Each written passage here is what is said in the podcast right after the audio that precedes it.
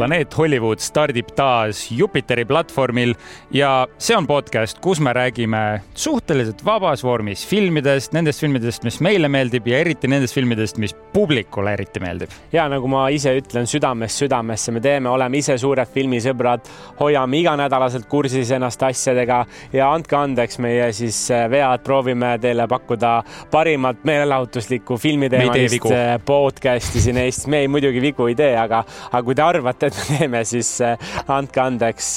ja minu nimi on Andri ja muidugi Richard on äh, mul siin laua vastas ja selliselt lõbusalt stardime, stardimegi. kuidas meil tavaliselt see saade välja näeb?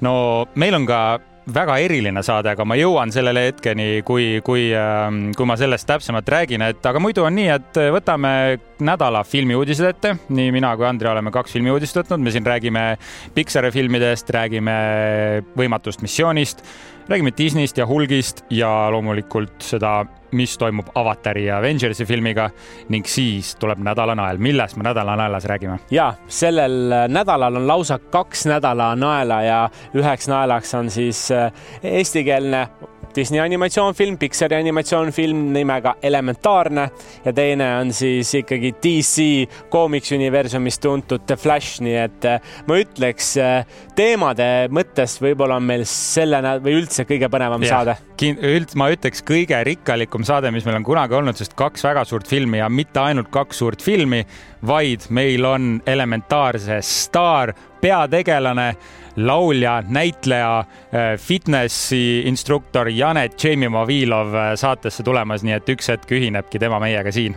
ja, ja kindlasti saame küsida juba täpsemalt äh, tema kohta, aga enne kui lähme siin päris asjalikuks ära filmi uudiseid hakkame võtma, siis selline küsimus sulle. kui tuleb välja, et sul on vaja kedagi piinata, siis äh, see, ta peab, ta peab vaatama järjest sada tundi just äh, seda filmi, siis äh, mis filmi sa peale paneksid mm,? väga lihtne, kõige, see on ainus film, mida ma südamest vihkan. ja see on Lars von Trieri Antikristus antikristus, kohe niimoodi. see on, see on nii ebameeldiv film, see on, ma tean, Lars von Trier on tegelikult noh, selline režissöör, kellest me kunagi siin saates ilmselt ei räägi, kui ainult praegu sellel põhjusel, sest ta on väga selline kriitikute lemmik, teeb kunsti, teeb väga metafoorilisi, mitmemõttelisi filme ja see film, Antikristus, ei räägi, see ei ole õudusfilm, see ei räägi saatanast ega antikristusest. see pealkiri on lihtsalt selline, see räägib kahe, see on nagu mehe ja naise suhe. peaosas oli seal vist äh, Charlotte Gainsborough ja issand, kes mängis Spider-manis seda esimest äh, rohelist äh, Green Goblinit. Spider-man. sa tead, ei oota, sa tead, mul ei tule selle näitleja nimi meelde. sina oled see aga... inimene, kes siin kõiki näitajaid peast teab. praegu kõige olulisem hetk ei tule see nimi meelde uh,. Daniel Defoe uh, ja seal lihtsalt hakkavad mingid õõvastavad jõledused toimuma no ja kui ma tahaks piinata, siis ma, ma võin kihla hädada, Andri, et sa ei naudiks seda filmi. ma ei tea, mis, ma ei tea, mis põhjusel ma sind küll piinama peaksin hakkama, aga siis ma paneks selle ei no peale. liiga hea podcast'i osa tuleb ja sa tahad, et eh, tahad seda eh, just enda poole hakata tõmbama, siis sa ütled, kuule, tule mulle külla, eh, vaatame sada tundi ühte põnevat filmi ja ma ütlen jah ja siis ma saan aru, et see on see film jah, see on see film, aga millega sina piinaksid? tead, see on äh, väga hea küsimus, mis on selline, mis film mulle pinda käis või? kiitsid mulle... just enda küsimust või? tead jah, kiitsin enda küsimust, sul on õigus, aga tead, ma võtaksin millegi, mis on väga ilmselge, niimoodi, et Nii. Äh, sa vaatad, aga tead, äh, tead, ma, Alone, ma, ma, ei, ma vast, vastan natuke naljaga, kuna osad inimesed ei ole Tenetist veel siiamaani aru saanud, nii et kui vaadata Tenetit näiteks mingi viiskümmend korda järjest, äkki siis jõuab kohale. Ja ma arvan, et lihtsalt sa lähed hulluks sellega, et seal on see aja, ajapöörded, ajaasjad ja inimesed on mingi, mida, mis toimub ja nad leiavad, ma arvan, kui viiskümmend korda järjest vaadata, siis sa leiad uusi pöördkäike ma just vaatasin seda filmi uuesti, sest täis sai nii-öelda, ma tähistan aastapäeva, kui ma Teneti võtetel esimest korda käisin, sina olid ka seal ja mul on äh, sõbraga ka, me iga aasta vaatame seda filmi korra, sest me olime seal koos need SWATid, kes ringi jooksid. Ja me vaatasime just mingi nädal aega tagasi seda filmi niimoodi, et minu elukaaslane ja siis see sõber Kristo ja me oleme näinud seda filmi umbes neli korda kumbki. Ja nüüd saime kordades vähem aru sellest filmist, mõtlesime, et meil on, me oleme lihtsalt, ma ei tea, kas me oleme lihtsalt lollimaks jäänud ülimalt Ikka. raske oli jälgida, mis Aastatega toimus. aastatega tavaliselt inimesed lähevad küll lollimaks. no vot, see ilmselt juhtuski, et see Teneti, noh, Tenet on väga, väga nauditav film, aga seda niimoodi järjest vaadata, noh jah no vot, aga, aga ma arvan, et eh, teeme selle asja ära kunagi üksteisele niimoodi, et üks vaatab seda Antikristust ja teine Tenetit eh, sada tundi, sada tundi järjest ja vaatame, mis mehed sealt eh, välja tulevad. aga astume nüüd uudistetuppa ja vaatame, mida head Hollywoodis toimub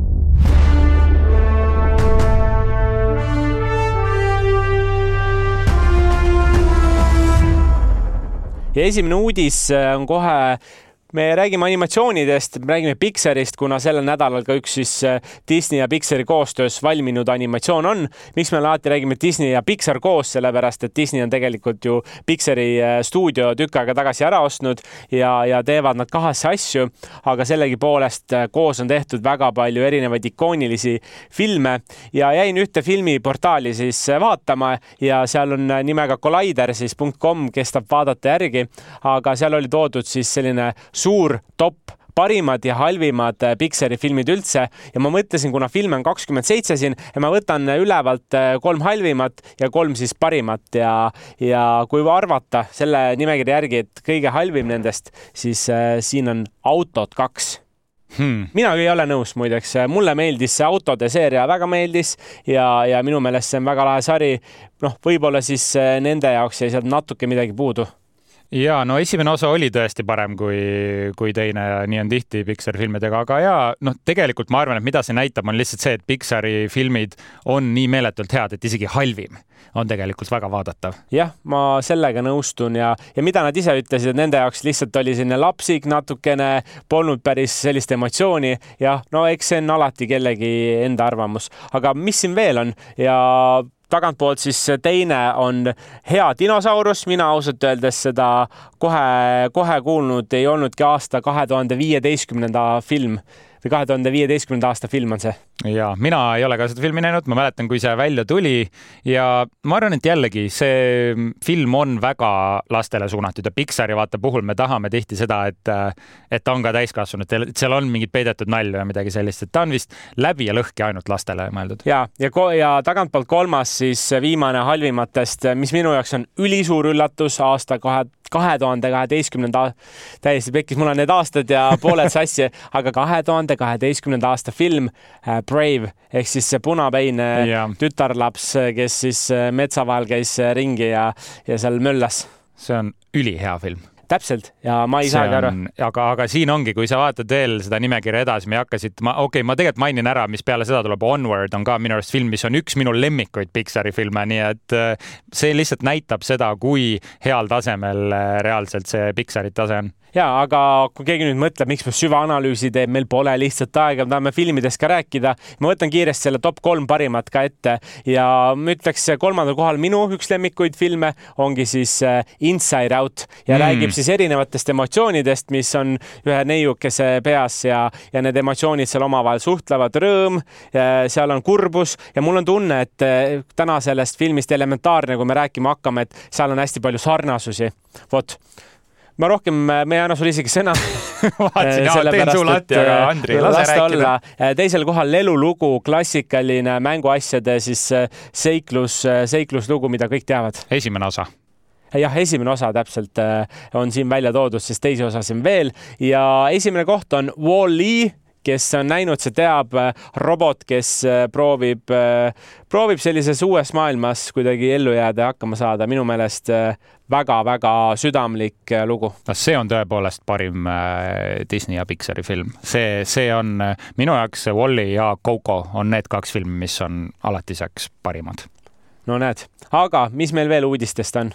Ja lähme mm, võib-olla selliseks nädala kajalisemaks rohkem ja äh, sellel suvel tuleb välja uus film Mission Impossible Dead Reckoning Part One ehk siis võimatu missioon, surmav otsus, esimene osa, Tom Cruise on Ethan Huntiga tagasi ja oli öeldud, et äh, need surmava otsuse esimene ja teine osa jäävad äh, Ethan Hunti ja Tom Cruise'i jaoks täiesti viimasteks filmideks ja nüüd on tulnud välja uudis, et äh, see ei ole sugugi nii filmi režissöör Christopher McQuarrie ütles, et nad kavatsevad äh, Tommy ja nende filmidega jätkata. Neil on juba uued ideed, kuidas frantsiisiga edasi minna ja tundub, et kuuekümne-aastane Tom Cruise no ei näita väsimuse märke, tahab ikka endiselt teha uskumatuid kaskadööritrikke ja viia see film uutele tasemetele.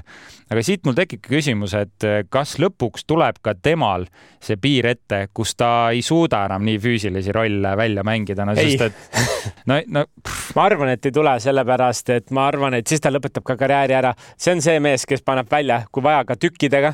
ma arvan, et kui ta saaks siin suurema vigastuse, ta paraneks ära, teeks edasi. on räägitud, et mees läheb kosmosesse järgmisena. no mine sa tea, nii et äh, mina ootan küll põnevusega. ta on, ta on loovutanud elus väga palju, selle eest on ta andnud oma äh, võib-olla pere, tema pere ei ole saanud nii palju aega ja tähelepanu kui need filmid, aga filmis on küll alati südamega ja, ja kui mees teeb, siis ikkagi hästi, nii et äh, filmimaailma legende on. ja täpselt iga tema film on kindla kvaliteedimärgiga ja noh, Tom Cruise on ka ise filmide produtsent ja suurim kasuteenija, nii et see on tema huvides kindlasti seda jätkata ja tuli hiljuti välja ka näitlejate, rikkamate näitlejate top nimekiri ja Tom Cruise on seal top kolmes vist minu teada, tema kui tulu jäi sinna kuskile kuuesaja no, miljoni dollari eespool, kanti. eespool igastahes, et ta oskab seda raha ka nüüd juba teha. võib-olla no, noorena ei osanud, aga nüüd teeb trikke, teeb raha, teeb kõiki asju. nii et äh, võtke teadmiseks see, et surmava otsuse esimene ja teine osa ei jää Ethan Hunti ja Võimatu missiooni viimasteks filmideks ja räägime ka Hulgist, äh, selline tore roheline tegelane, kes vihastades äh, muutub päris suureks ja jõuliseks. oleme teda näinud äh, ka eraldiseisvates filmides siin pea viisteist aastat ja rohkem tagasi. viimasel ajal oleme näinud teda siis nii Thori filmis, nii Tasujate erinevates osades. legendaarne tegelaskuju, aga võib-olla paljud ei teagi, et Hulgi tegelaskuju on juba tükk aega tagasi maha müüdud ja selleks firmaks on Universal, kelle käes see õigused on ja nüüd on hakatud spekuleerima, kas tõesti tulevad õigused tagasi koju Disneysse. Ja, ja, ja mis uudis mulle silma jäi, on esiteks see, et nüüd pärast viiteist aastat tulevad erinevad hulgi sellised esimesed filmid ka Disney pluss platvormile, mis tähendab seda, et selline superkangelaste universum hakkab taastuma, et sa saad kõik ühest kohast kätte, aga see on pannud ka fännid mõtlema selle üle, et huvitav, et kas siin on mingid ostu-müügitehingud käel ja parimad äh, spekulaatorid ikkagi ütlevad, et tõenäoliselt äh, Disney üks eesmärke on osta neid tegelasi tagasi. me teame, et ka selline tegelane nagu Spider-man ei ole õiguste mõttes küll Disney käes, kuigi võiks öelda, et tasujatest oli siis ämblikmäe õigused on Sony käes näiteks ja, ja kunagi oli äh, Disney, Disney nägi, et need karakterid on mõttetud nende jaoks ja et nad panevad need müüki, kommiraha eest nad läksid ja nüüd tuleb neid ikkagi taga ajada siin tikutulega jah, see on väga huvitav, kui nendesse diilidesse natuke sügavamalt sisse minna, mis seal täpselt toimub ja Hulgiga on ka väga huvitav asi olnud, nagu sa mainisidki, ta on Avengersi filmides olnud, aga ma sain teada sellist asja, et Hulgi tegelane, et Marvel võib hulgi tegelast kasutada kõikides oma filmides, aga ta ei tohi teha eraldiseisvat filmi Hulgist. mida tahetakse väga. just, ja ma arvan, et see ongi see, et nad äkki nüüd tahavad selle lõpuks äh, Mark Ruffaloga selle eraldiseisva filmi ära teha. no see on, oleks äh, kauaoodatud kaunikene, need ega need esimestel filmidel liiga hästi ei läinud, et ta tuli välja mm., äh, seal nagu ta tekitas küll emotsiooni, aga kui me nüüd võtleme seda uut superkangelaste ajastut, mis sai alguse sellise Ironmani filmidega, siis, siis see oleks väga oodatud ja väga lahe, jääme siis pöidlad pihku ootama. ja kõige esimene Hulk või tähendab mitte kõige esimene, tegelikult enne Edward Nortonit kahe tuhande minu arust kolmandal aastal tegi üldse Erik Bana ja Ang Lee lavastas selle filmi, et see on ka veel täiesti sihuke, noh, ma ütleks nüüd juba natuke konarlik film, et see Edward Nortoni versioon on juba tunduvalt parem, aga kes tahab niisugust vanakooli Hulki vaadata, siis visake pilk sellele filmile ka peale ja hüppame edasi. no Marveli teemadega veidi jätkame, ikka Disney on alati teemas ütleme nüüd, et selle kirjanike streigi tõttu on hakanud nüüd ka suuremad pead lõpuks veerema ja Avatar, Avengers ja paljud teised Disney filmid lükkuvad kahjuks ajas edasi. no palju on räägitud äh, Disney filmidest, mis on nüüd äh, selle streigi tõttu edasi lükkunud ja Marveli puhul on see, et äh, kui lükkub üks film edasi, vaata on kõik ju üks seotud universum, siis paratamatult peavad kogu, kõik need teised filmid ka edasi lükkama.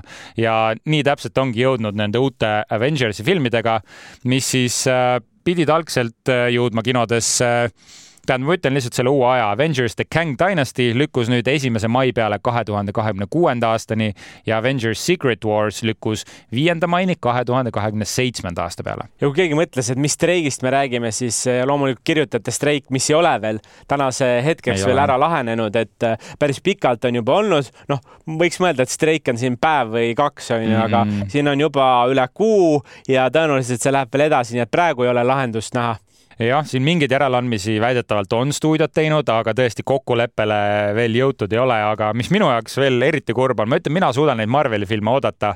minu jaoks on Avatari uue osa edasilükkumine hirmsalt kurb uudis ja no kõik Avatari fännid on juba harjunud, eks ole, selle pika ootamisega. aga mõtle, kaks tuhat kolmkümmend üks oli vist see kuupäev. vot, vot ja, et järgmine Avatari film peaks jõudma nüüd, üheksateistkümnendal detsembril kaks tuhat kakskümmend viis. Avatar neli peaks jõudma kaks tuhat kakskümmend kakskümmend üheksa ja kõige viimane avatar jõuab kaks tuhat kolmkümmend üks. oh juudas, meil on mõlemal pead hallid äh, sellel ajal, selleks ajaks juba ja. me oleme, mina olen siis neljakümne ühe aastane. jõhker, jõhker, et äh, no loodetavasti selleks ajaks me teeme seda podcast'i edasi ja saame teile laivis, laivis kommentaarid ja emotsioonid edasi anda. ja uudistega olemegi siin ühel pool. astume nüüd, astume nüüd naela otsa ja astume nädala, nädala naelast, milleks on elementaarne.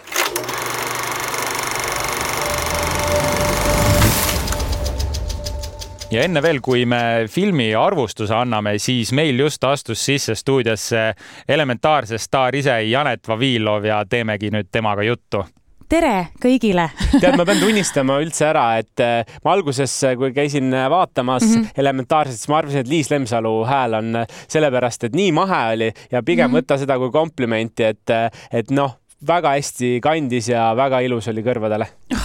see oli, see oli mõnus ja ma peaks ütlema, et äh, dublaaž on jõudnud minu arust Eestis uuele tasemele. ma olen olnud, ma olen olnud pikalt, Andri teab seda hästi, et ma olen eelnevalt öelnud, et kui ma lähen mingit animeeritud filmi mm -hmm. vaatama, siis ma lähen alati originaalkeeles, sest ma ei suuda, esiteks nagu lip-sync ei ole paigas mm -hmm. ja ma jään nagu mingitest nendest naljadest ilma. siin ma nagu ma ei tundnud puudust äh, absoluutselt seda, et äh, ma oleks tahtnud äh, originaalheli kuulda. Richard lihtsalt vihkab Eesti asju ka, nii et arusaadav, et ta ei tahagi eesti keeles midagi vaadata, nii et las need jutud jää, jääda, aga võtame kohe härjalt sarvist ja, ja kuna sa meil täna siia stuudiosse oled lahkelt tulnud, siis, siis ma arvan, et paljudel on mõttes küsimus ja üleüldse võib-olla keegi, kes kuulab, unistab ka saada mm. häälenäitlejaks. see ei ole küll su põhitöö, aga see on see, mida sa teed teed, siis eh, kuidas on üldse võimalik saada, mida selle jaoks tegema peab? ma ei tea, hääleharjutusi iga hommiku pool tundi? seda ma teen jah ka, onju, aga mitte selle jaoks. aga tegelikult on see, on nagu natuke elus niimoodi, et vähemalt mis, mis mul on äh, juhtunud, on see, et, et äh, sa teed oma elu niimoodi, saad lõpuks mingit vilju noppida mm -hmm.. ehk siis mina olen tegelikult olnud osa Eesti Noorte Muusikaliteatrist kümme aastat ja tänu sellele äh, ma sain selle Encanto, mis tuli siis eelmise mm -hmm. aasta natuke isegi rohkem eelmise aasta ajal välja ja niimoodi, et, et meie, meie teatri juht Kaarel Urumägi andis mu nime Kaire Vilgatsile, kes, kes otsis siis Encanto tegelast, tegelaste nagu osatäitjaid ja sealt tuli Encanto, sealt tuli siis ka Elementaarne. ja nüüd sa oledki uues filmis Elementaarne, teed äh, Sädemele häält või Säde, Sädele häält. Äh, no selleni me jõuame veel äh, ka mm, -hmm. aga võib-olla enne küsime üldse, et või, või, või tahad ise küsida äkki? Oh, midagi. no ma ei tea, ei sul oli, sul oli mingi väga tähtis küsimus, küsi ikka ise ära. mõte oligi see, et kuidas, ma saan aru, et sul oli juba selline tutvus soolas, olid teinud Encantole, Encanto filmi Säält mm, -hmm. kuidas selline sädeme otsimine käis või kuidas sina leidsid selle rolli, kuidas sina sobitusid sinna rolli? tead, tegelikult minu arust rolli sobitumine peab käima vähem, vähemalt minu, minu nagu nii-öelda kogemuse põhjal väga kiirelt ja niimoodi, et sa pead kiiresti mm -hmm. haarama ja aru saama, kes ta on, mis ta on. sest ega, ega sa tegelikult, see film polnud väljas, sa mm -hmm. ei mhm. saanud sellega ju kodus tutvuda, see ei olnud mingi okei okay,, tema on nüüd siis säde ja nüüd ta peaks olema umbes selline. ma läksin ikkagi esimest korda stuudiosse ja sa pead hakkama koos selle sädemega kuidagi üksteist leidma, et see hääl, nagu sa ütlesid, äh, oleks võimalikult loomulik. et, et see hääl ja see nägu hakkaks sulanduma lõpuks kokku. et minu arust see peaks, võiks käia üsna kiirelt juba esimese stuudio, stuudio nagu ajal. aga kas sa proovid siis seal erinevaid hääli, vaatad seda pilti, tegelast ja proovid hääli või, või kuidas sinu mm -hmm. selline, kuidas sa sünkroniseerid ennast selle tegelasega? Alati teen niimoodi, et alati esimese stuudio nii-öelda siis sessiooni ajal meil oli siis äh, Margo Teder on siis see, kes on mind ka nii Encanto kui Elementaarsega aidanud ja olnud seal kohapeal.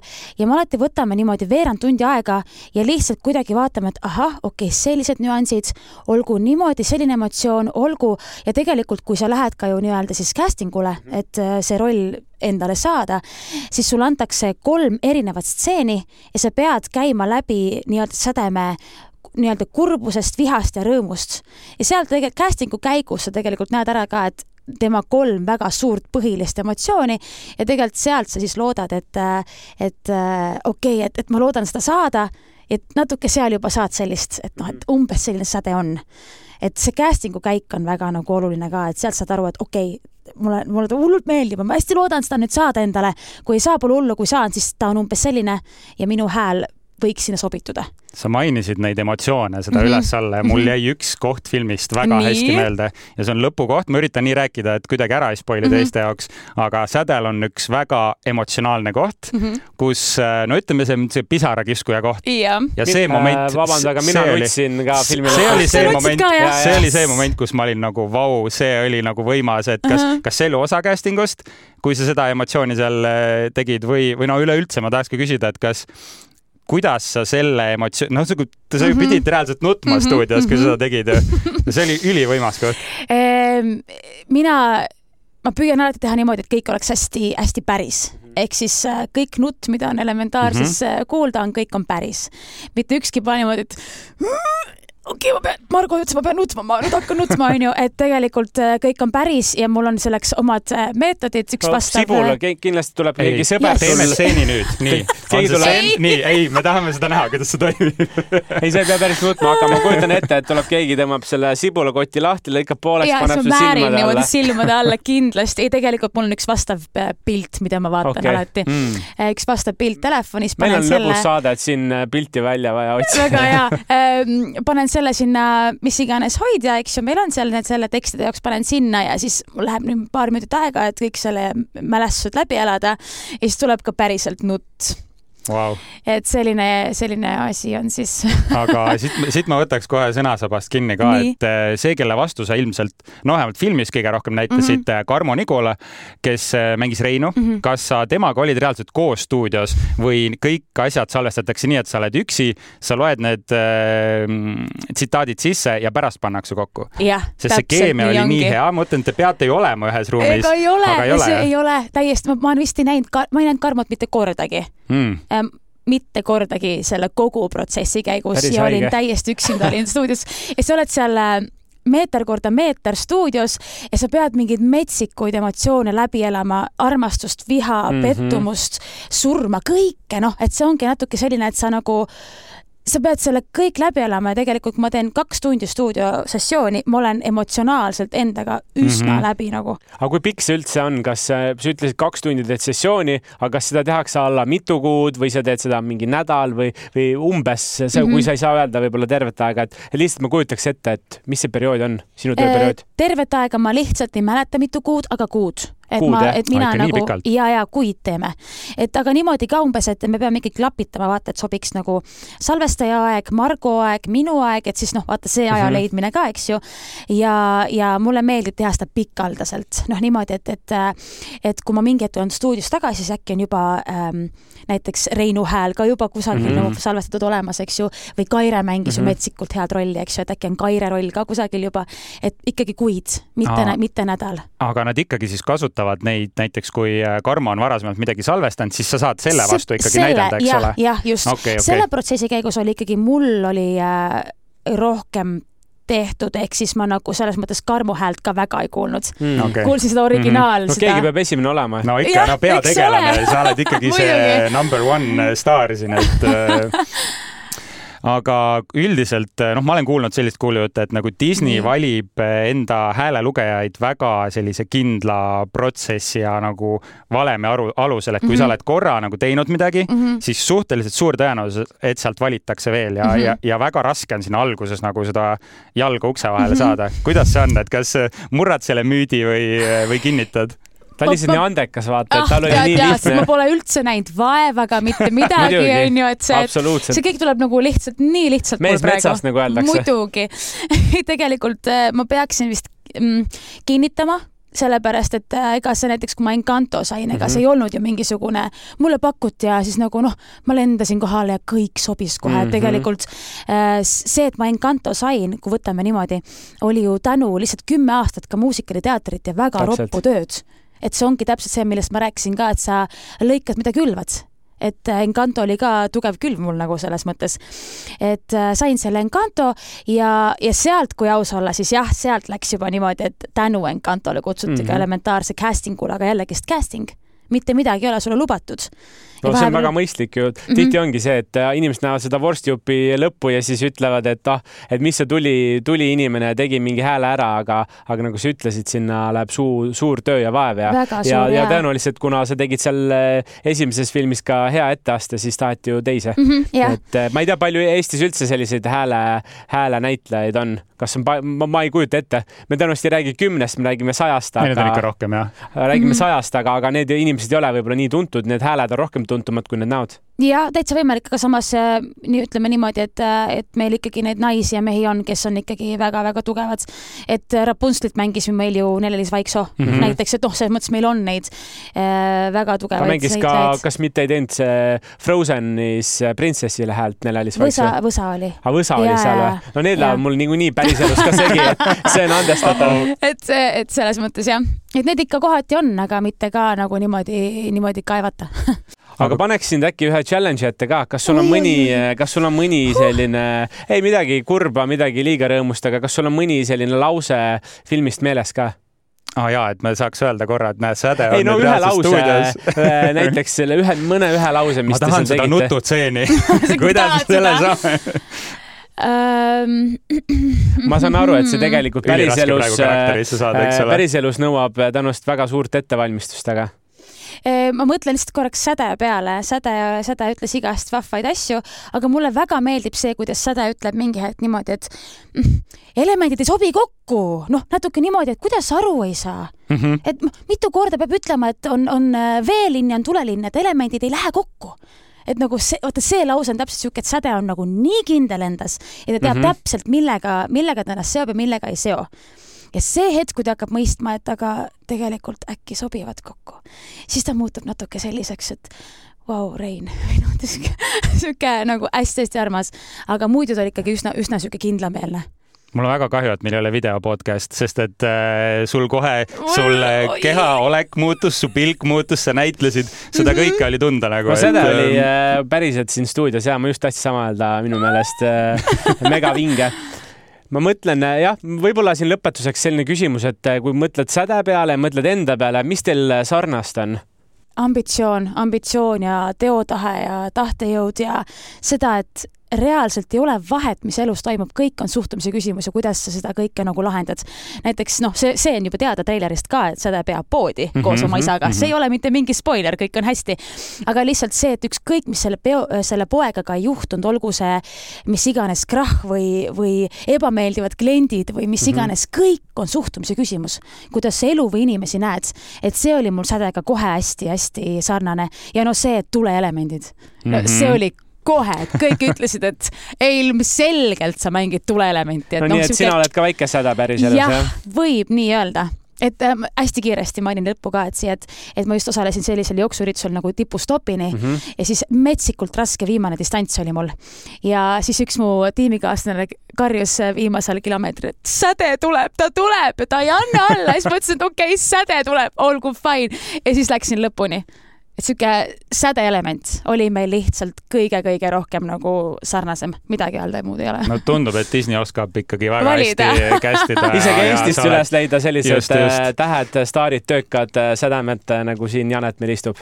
aga kuna sa oled meil tegelikult kõige esimene saatekülaline ka, siis ma tahan teha sellise äh, ühe kohustusliku küsimuse et äh, kui sa satud üksikule saarele ja sa saad kaasa võtta kolm filmi, kus ma nüüd vaatan? ükskõik, ei ära küsi, ära küsi neid küsimusi, sa oled üksikul saarel okay., seal on ideaalne kino ainult Wow. ja sul on kolm filmi ja mida sa saad elu lõpuni vaadata, neid kolme filmi. Mhm. mis filmid sa kaasa võtad? oh my lord.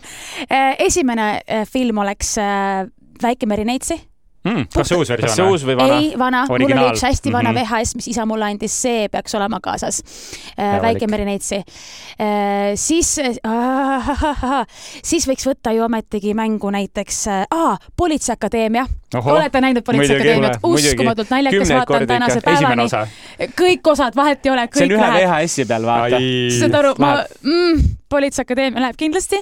Ja viimaseks ma mõtle, võtaksin hästi-hästi ülbelt, ma arvan, võtaksin ikkagi vist äh, mõlemad oma Disney lõpud kaasa Disney multikad kaasa No kui see on- kui see on okei okay.. muidugi on okei okay., sa oled üksikul saares, võid teha, mis sa tahad, nii et äh, saab, saab võtta kaasa küll. jah, aga jätame selle väikse Merineitsi ja Politseiakadeemia, need on nagu siuke must have. eks need väga lõbusad valikud. on, on. ja, ja, ja seda, ja seda kõike on tunda ka filmis Elementaarne, mida Mm. saate kõik kinos äh, praegu vaatamas käia ja just Janetit kuulda Säde rollis meie poolt suur aitäh, et sa saatesse tulid, sa oled kõige esimene meie saatekülaline, et see on nagu see on juba omaette uhkus ja au siin, et äh, jaa, kui sa, kui sul tuleb veel mõni Disney film, siis äh, kindlasti tahame sind tagasi kutsuda. absoluutselt. Olen alati tulemas. aitäh teile.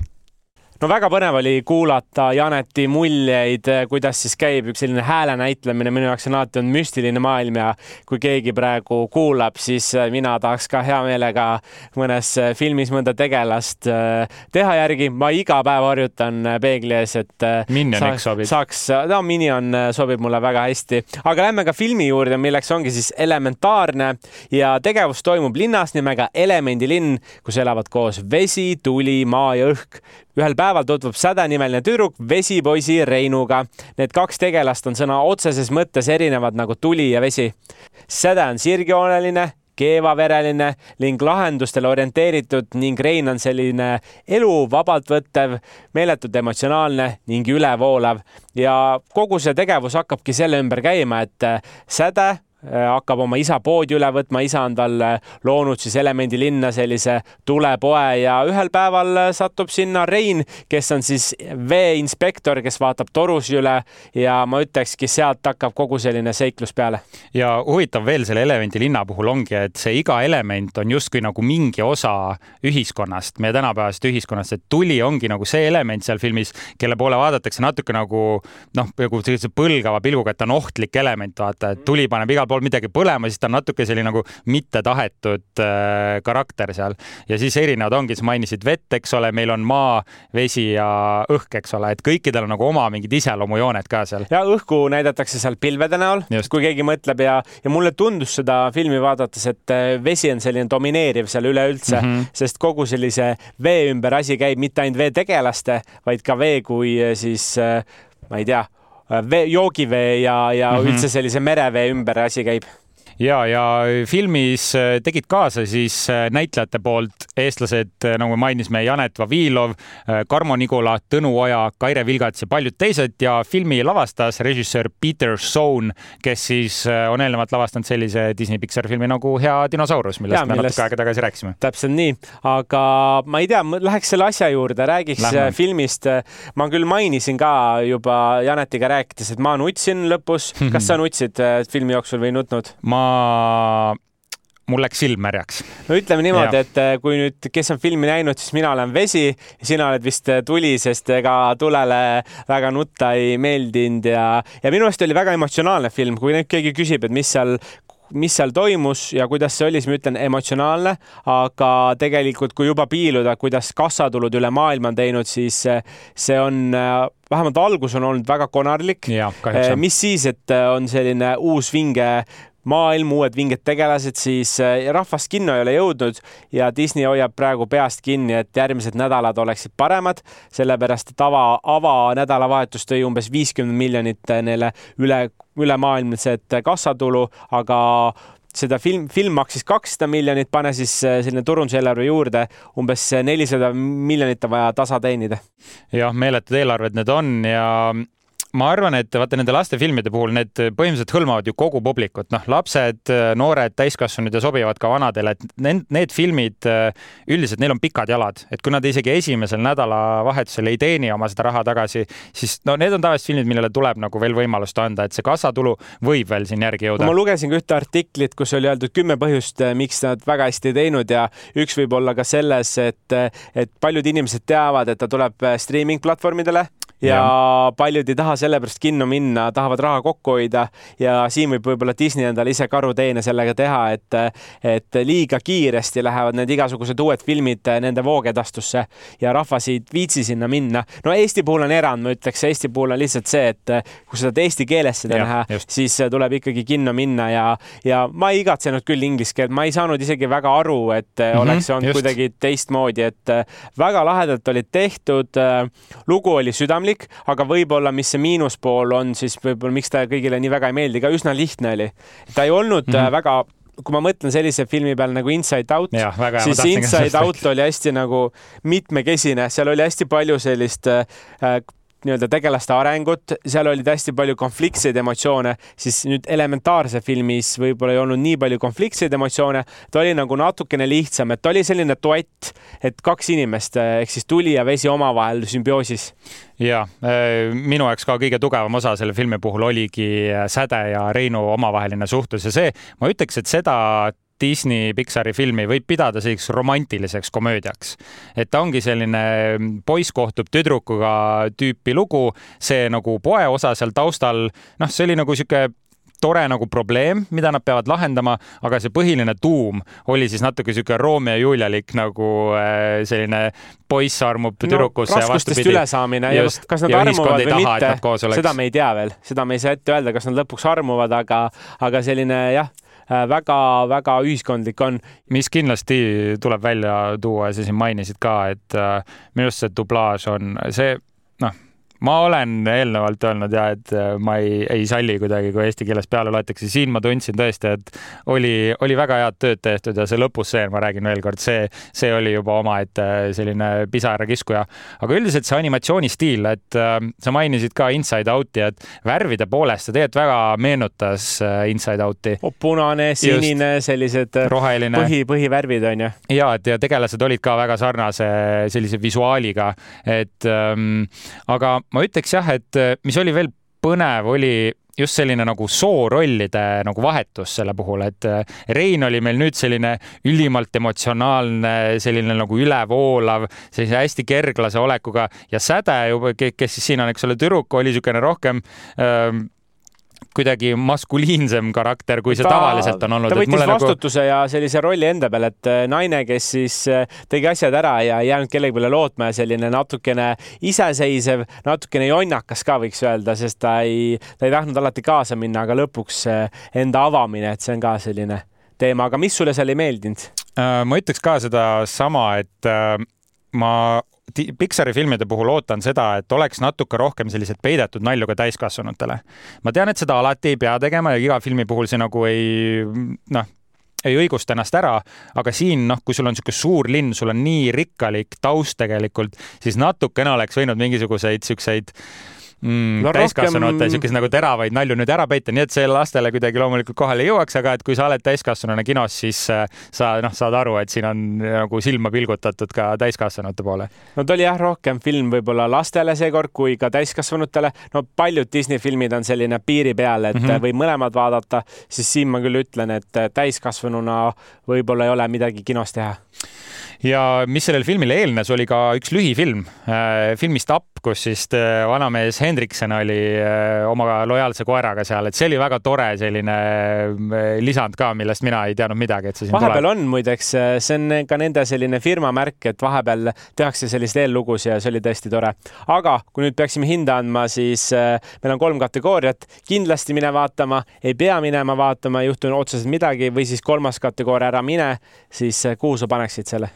Ma arvan, et see läheb väga täpselt sinna keskmisesse kategooriasse minu jaoks, et see on film, mida võid kinno vaatama minna, et äh, ei juhtu midagi, kui sa seda ei näegi kinos äh, mul on väga hea meel, et ma seda kinos vaatamas käisin ikkagi, sest need efektid ja kogu kõik need värvid ja see, seda oli väga tore seal näha, aga ma pärast filmi ka muljetasin, et äh, see on seda tüüpi film, mida ma oleks vabalt võinud ka kodus diivanil vaadata ja ma oleks sellesama emotsiooni seal kätte saanud. sellepärast paneksin sinna. kuidas sinul on?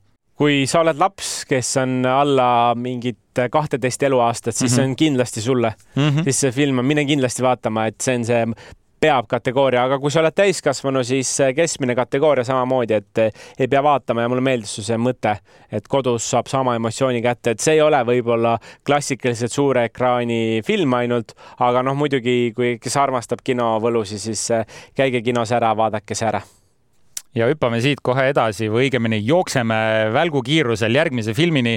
Ja selleks on nüüd väga suur kinofilm, mis äh, suurel ekraanil kindlasti plahvatab äh, visuaalselt. Ja selleks on Välk, The Flash. Äh, tegemist on siis kolmeteistkümnenda DC universumi koomiksifilmiga, mis räägibki siis loo samanimelisest superkangelasest. Ja esimeses Välgu oma filmis siis saavad kokku no päris mitu erinevat universumit. Barry kasutab oma superkiirust, et ajas tagasi reisida ja oma pere päästa, siis äh, sellega teeb ta põhimõtteliselt kogu maailma katki. tekib uus reaalsus, kus kindral Zod on tagasi selleks, et maad hävitada ning teisi superkangelasi, kes varasematest DC filmidest tema vastu võidelnud on, neid enam ei ole Supermani ei ole ja ei ole kedagi, kes eh, takistaks seda ja selleks siis Barry peabki leidma abi teise välgu eh, versiooni uh. poolt, Batmani poolt ja ühe krüptoonlase kes Oi, siin mängu tuleb? mul pea hakkas äh, natuke ringi käima, ma olen seda filmi ka näinud ja, ja tõesti ongi, kui, kui siit seletusest tundus, et palju toimub, siis seal, äh, palju. seal toimubki palju. kokkuvõtvalt lihtsalt seal on äh, äh, The Flash, kes hakkab siis erinevates universumites äh, mõnes mõttes käima ajaliinides ja no tema see kiirus on äh, sümboolne. no just, noh, see on tegelikult väga sihuke inimlik põhjus, mis ta teha tahab, kui, kui sul on lapsevanem, keda sul, kui sul on vanem, keda enam ei ole, siis loomulikult sa tahad ju teda päästa. see läks seda päästa, proovis seda päästa, tegi maailma katki ja selle ümber hakkabki siis kogu möll peale. proovisin mis... seda lihtsamaks teha. ja, ja mis minu meelest lahe on see, et väga realistlik on, et ma kujutan ette, et kui päriselt ka ajas tagasi rännata mm -hmm. ja kui midagi muuta, siis asjad, asjad muutuvad ja, ja see ei ole niimoodi, et kui sa midagi minevikus ära muudad, tuled tagasi olevikku, et siis sa oled täpselt samas universumis. tõenäoliselt mitte, sellepärast et siis ei ole täpselt sama koht enam ja, ja ta on natuke filosoofiline filosoofiline ka selles vaates, et, et aja rändamise nii-öelda filosoofia, et kui ajas rändad, mis siis juhtub ja, ja isegi kui sa mõtled, et sa paned pärast kõik asjad ilusti korvi tagasi, siis äh, see ei pruugi alati nii olla. ja et ähm, ja filmi, filmi äh, režissöör on Andy Muschietti, kes on siis eelnevalt õudusfilmide kaudu tuntuks saanud, äh, lavastas ta filmid nagu It ja It teine osa. ma tean, et need on Andrile südamelähedased filmid ja õudusfilm Mama näitlejate osas loomulikult äh, probleemne Ezra Miller. Äh, Batman'i osa mängis Michael Keaton, filmis oli veel Sasha Kelly ja Michael Shannon ja paljud teised.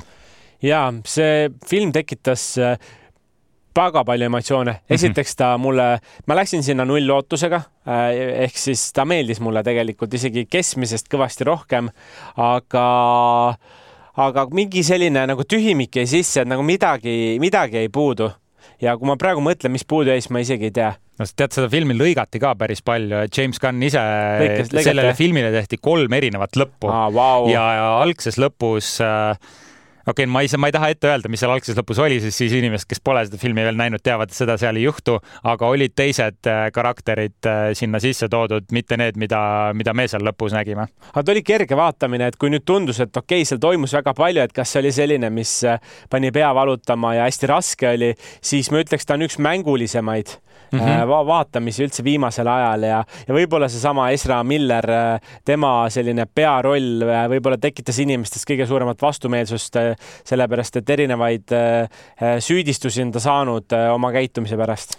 on tõesti, aga noh, üldiselt ma ütleks, et väga tugev äh, selline lõpufilm oli see sellele DC universumile ja see nüüd põhimõtteliselt lõpetab kõik need ajajooned ära, kus me oleme siin Ben Affleckit näinud ja Henry Cavillit, eks ole, see põhimõtteliselt on nüüd selle režiimi lõpufilm, aga kui ma peaks ütlema nüüd, mida James Gunn kommenteeris selle filmi kohta, et tegemist on parima superkangelase filmiga, mis kunagi tehtud on. see on vale no,. see, sellega ma päris nüüd kaasa ei läheks, et nii hea ta ei olnud, aga kindlasti tuleb äh, öelda, et see oli väga ambitsioonikas ja rikkalik film. ja viim-, ma ütleks küll enda vähemalt vaatepunktist, et viimase aja üks parimaid äh, DC filme, sellepärast ja. et äh, minu jaoks ikkagi selline DC maailma parimad filmid on seotud Batmaniga ja see, mis sinna varasemasse perioodi jäi ja, ja võib-olla on hea lõpetada millegi sellisega jah, äh, näis, mis sealt veel edasi tulema hakkab, et äh, ma ütleks, et sellel nagu noh, kokkuvõttes ma ütleks, see oli väga tugev film, aga kui nüüd seda lugu ise vaadata, siis jälle see multiversumi ja ajas reisimise osas see noh, see film mingit värsket lugu ei rääkinud, et äh, me siin mainisimegi, et jah, see Barry Alleni soov oma nagu ema päästa, noh, me oleme sarnaseid ajasreisimislugusid varem ka näinud, eks ole. ja see on naljakas, et kui tuleb kuskil, keegi teeb ära, et mingi multiversum on või universumid on, siis kõik teised teevad järgi. minu arust praegu on olnud ja, mingi kolm-neli filmi sellest uh, universumite vahelisest reisimisest, et ma ei tea, kas see on päriselt meil ufod annavad märku, et varsti hakkab peale või, või mis teema sellega on, miks on vaja seda? Juba praegu sa saad, sa võid minna Spider-verse'i vaatama või sa võid äh, Flashi minna vaatama, mõlemad filmid äh, on superkangelaste filmid, mis räägivad multiversumist. uskumatu onju aga ei ole, vaata, sa saad neid praegu minna kinno vaatama, aga mis nende multiversumi filmide puhul, eriti Flashi puhul mulle väga silma jäi, oli, kui visuaalselt hästi see tehtud oli, eriti kui välk selle nii-öelda selle Speed Force'i siis niimoodi sellesse tsooni nagu sisenes ja kui ta seal ülikiirelt jooksis, et see oli väga äh, lahedalt ja kaasakiskuvalt tehtud ja tead, ma täna, täna tunnen, et selle filmiga ei olegi nagu väga palju juurde öelda, et minu jaoks ta oli lihtne, ta oli äh, huvitav ja ta on selline suht kindla peale minek, et ta ei üllatanud, aga ta oli, oli mm. selge ja tugev. sind ei üllatanud või? ja okei okay,, jah, kui sa küsid, kas üllatusi oli, üllatusi okay, oli, aga teine. film ise ei üllatanud okay,, et äh, sellepärast, et äh, jah, kui nüüd ma ei, ma ei taha neid üllatusi ette ei, öelda, aga ma lihtsalt tahan öelda, et seal on väga palju selliseid mm -hmm. positiivseid üllatusi filmi sees. üllatusmune. Nagu... üllatusmune munad on need, ma ütleks. ja noh, Ezra Millerist natuke, noh, ma, ma ausalt öeldes isegi nagu väga ei tahaks tema sellest isiklikust poolest rääkida, see, kes tahab, otsib üles, mille osas teda süüdistatud on, aga selle filmi puhul tuleb rollisooritust, puhtalt nüüd rollisooritust, mitte inimest kiita, sest et Ezra mängis põhimõtteliselt vastu siis enda teisele versioonile, kus ta põhimõtteliselt näitas iseenda vastu.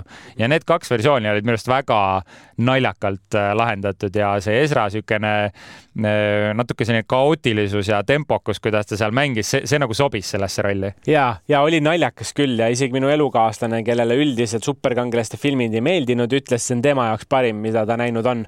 ja, ja ta ei, ütleme, et ta ei ole kõiki neid tasujaid ja asju mm -hmm. näinud, aga ütleme, see oli paari aasta, kahe-kolme aasta lemmik superkangelaste film tema jaoks see oli. Vau, ja kui nendest äh, naljakatest kohtadest rääkida, siis ma pean, ma ei ütle, mis koht see oli, aga juhtus midagi, mis ei ole ammu minuga kinos juhtunud. seal Püksi filmi lõpus, seal filmi lõpus, põhimõtteliselt peaaegu oleks juhtunud, seal filmi lõpus on üks nii naljakas koht.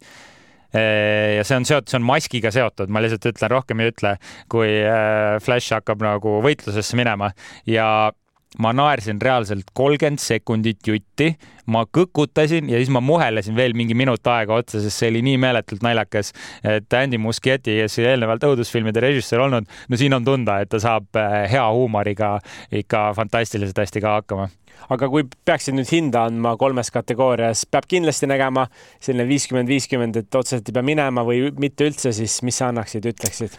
vot selles filmis oli väga palju head, siin on ka palju negatiivseid pooli, mida välja tuua, näiteks seesama deepfake'i kasutamine oli nagu veidi liiga üle tehtud, siis ma siiski ütleks selle filmi puhul, et see on film, mida tuleb kindlasti kinno vaatama minna, sest et see on suure ekraani film, see on popkorni film, see on suure helisüsteemi film ma olen nõus ja võib-olla ta ei ole mu selle aasta lemmik mm, -hmm. aga tasub kinos äh, vaatamist, tasub see raha võtta ja investeerida, et üks äh, huvitav, naljakas, äh, lõbus kinokogemus näiteks reede õhtul saada.